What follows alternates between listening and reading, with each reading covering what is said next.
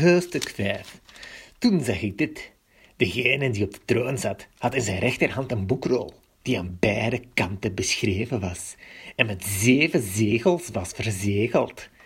Ik zag een machtige engel die met luide stem uitriep: Wie komt er toe de zegels te verbreken en de boekrol te openen?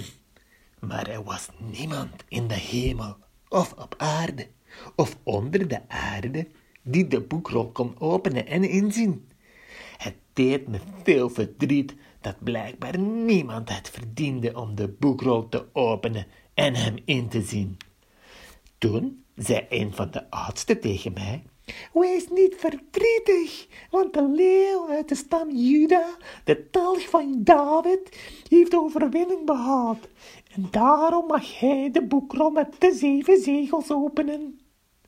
Midden voor de troon, tussen de vier wezens en de oudsten, zag ik een lam staan. Het zag eruit alsof het geslacht was, en het had zeven hoorns en zeven ogen. Dat zijn de zeven geesten van God die over de hele wereld zijn uitgestuurd. Het lam ging naar degene die op de troon zat en ontving de boekrol uit zijn rechterhand. Op hetzelfde moment wierpen de vier wezens en de 24 oudsten zich voor het lam neer. Ieder van hen had een lier en een gouden schaal vol wierook. Dat zijn de gebeden van de heiligen. En ze zetten een nieuw lied in. U verdient het om de boekrol te ontvangen en zijn zegels te verbreken.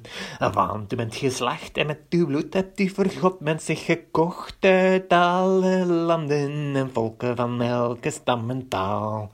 U hebt voor ons God uit hen een koninkrijk gevormd en tot priesters gemaakt. Ze zullen als koningen heersen op aarde. Daarna hoorde ik het geluid van een groot aantal engelen rondom de troon.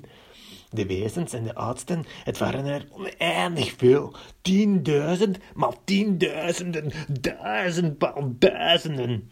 Met luide stemmen riepen ze: Het lam dat geslacht is, komt alle macht en rijkdom en wijsheid toe.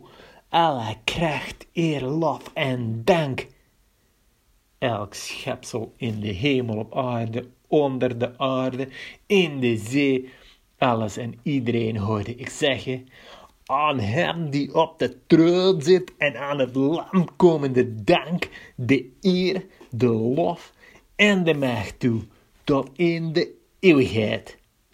De vier wezens antwoordden, Amen. En de oudsten wierpen zich in aanbidding neer.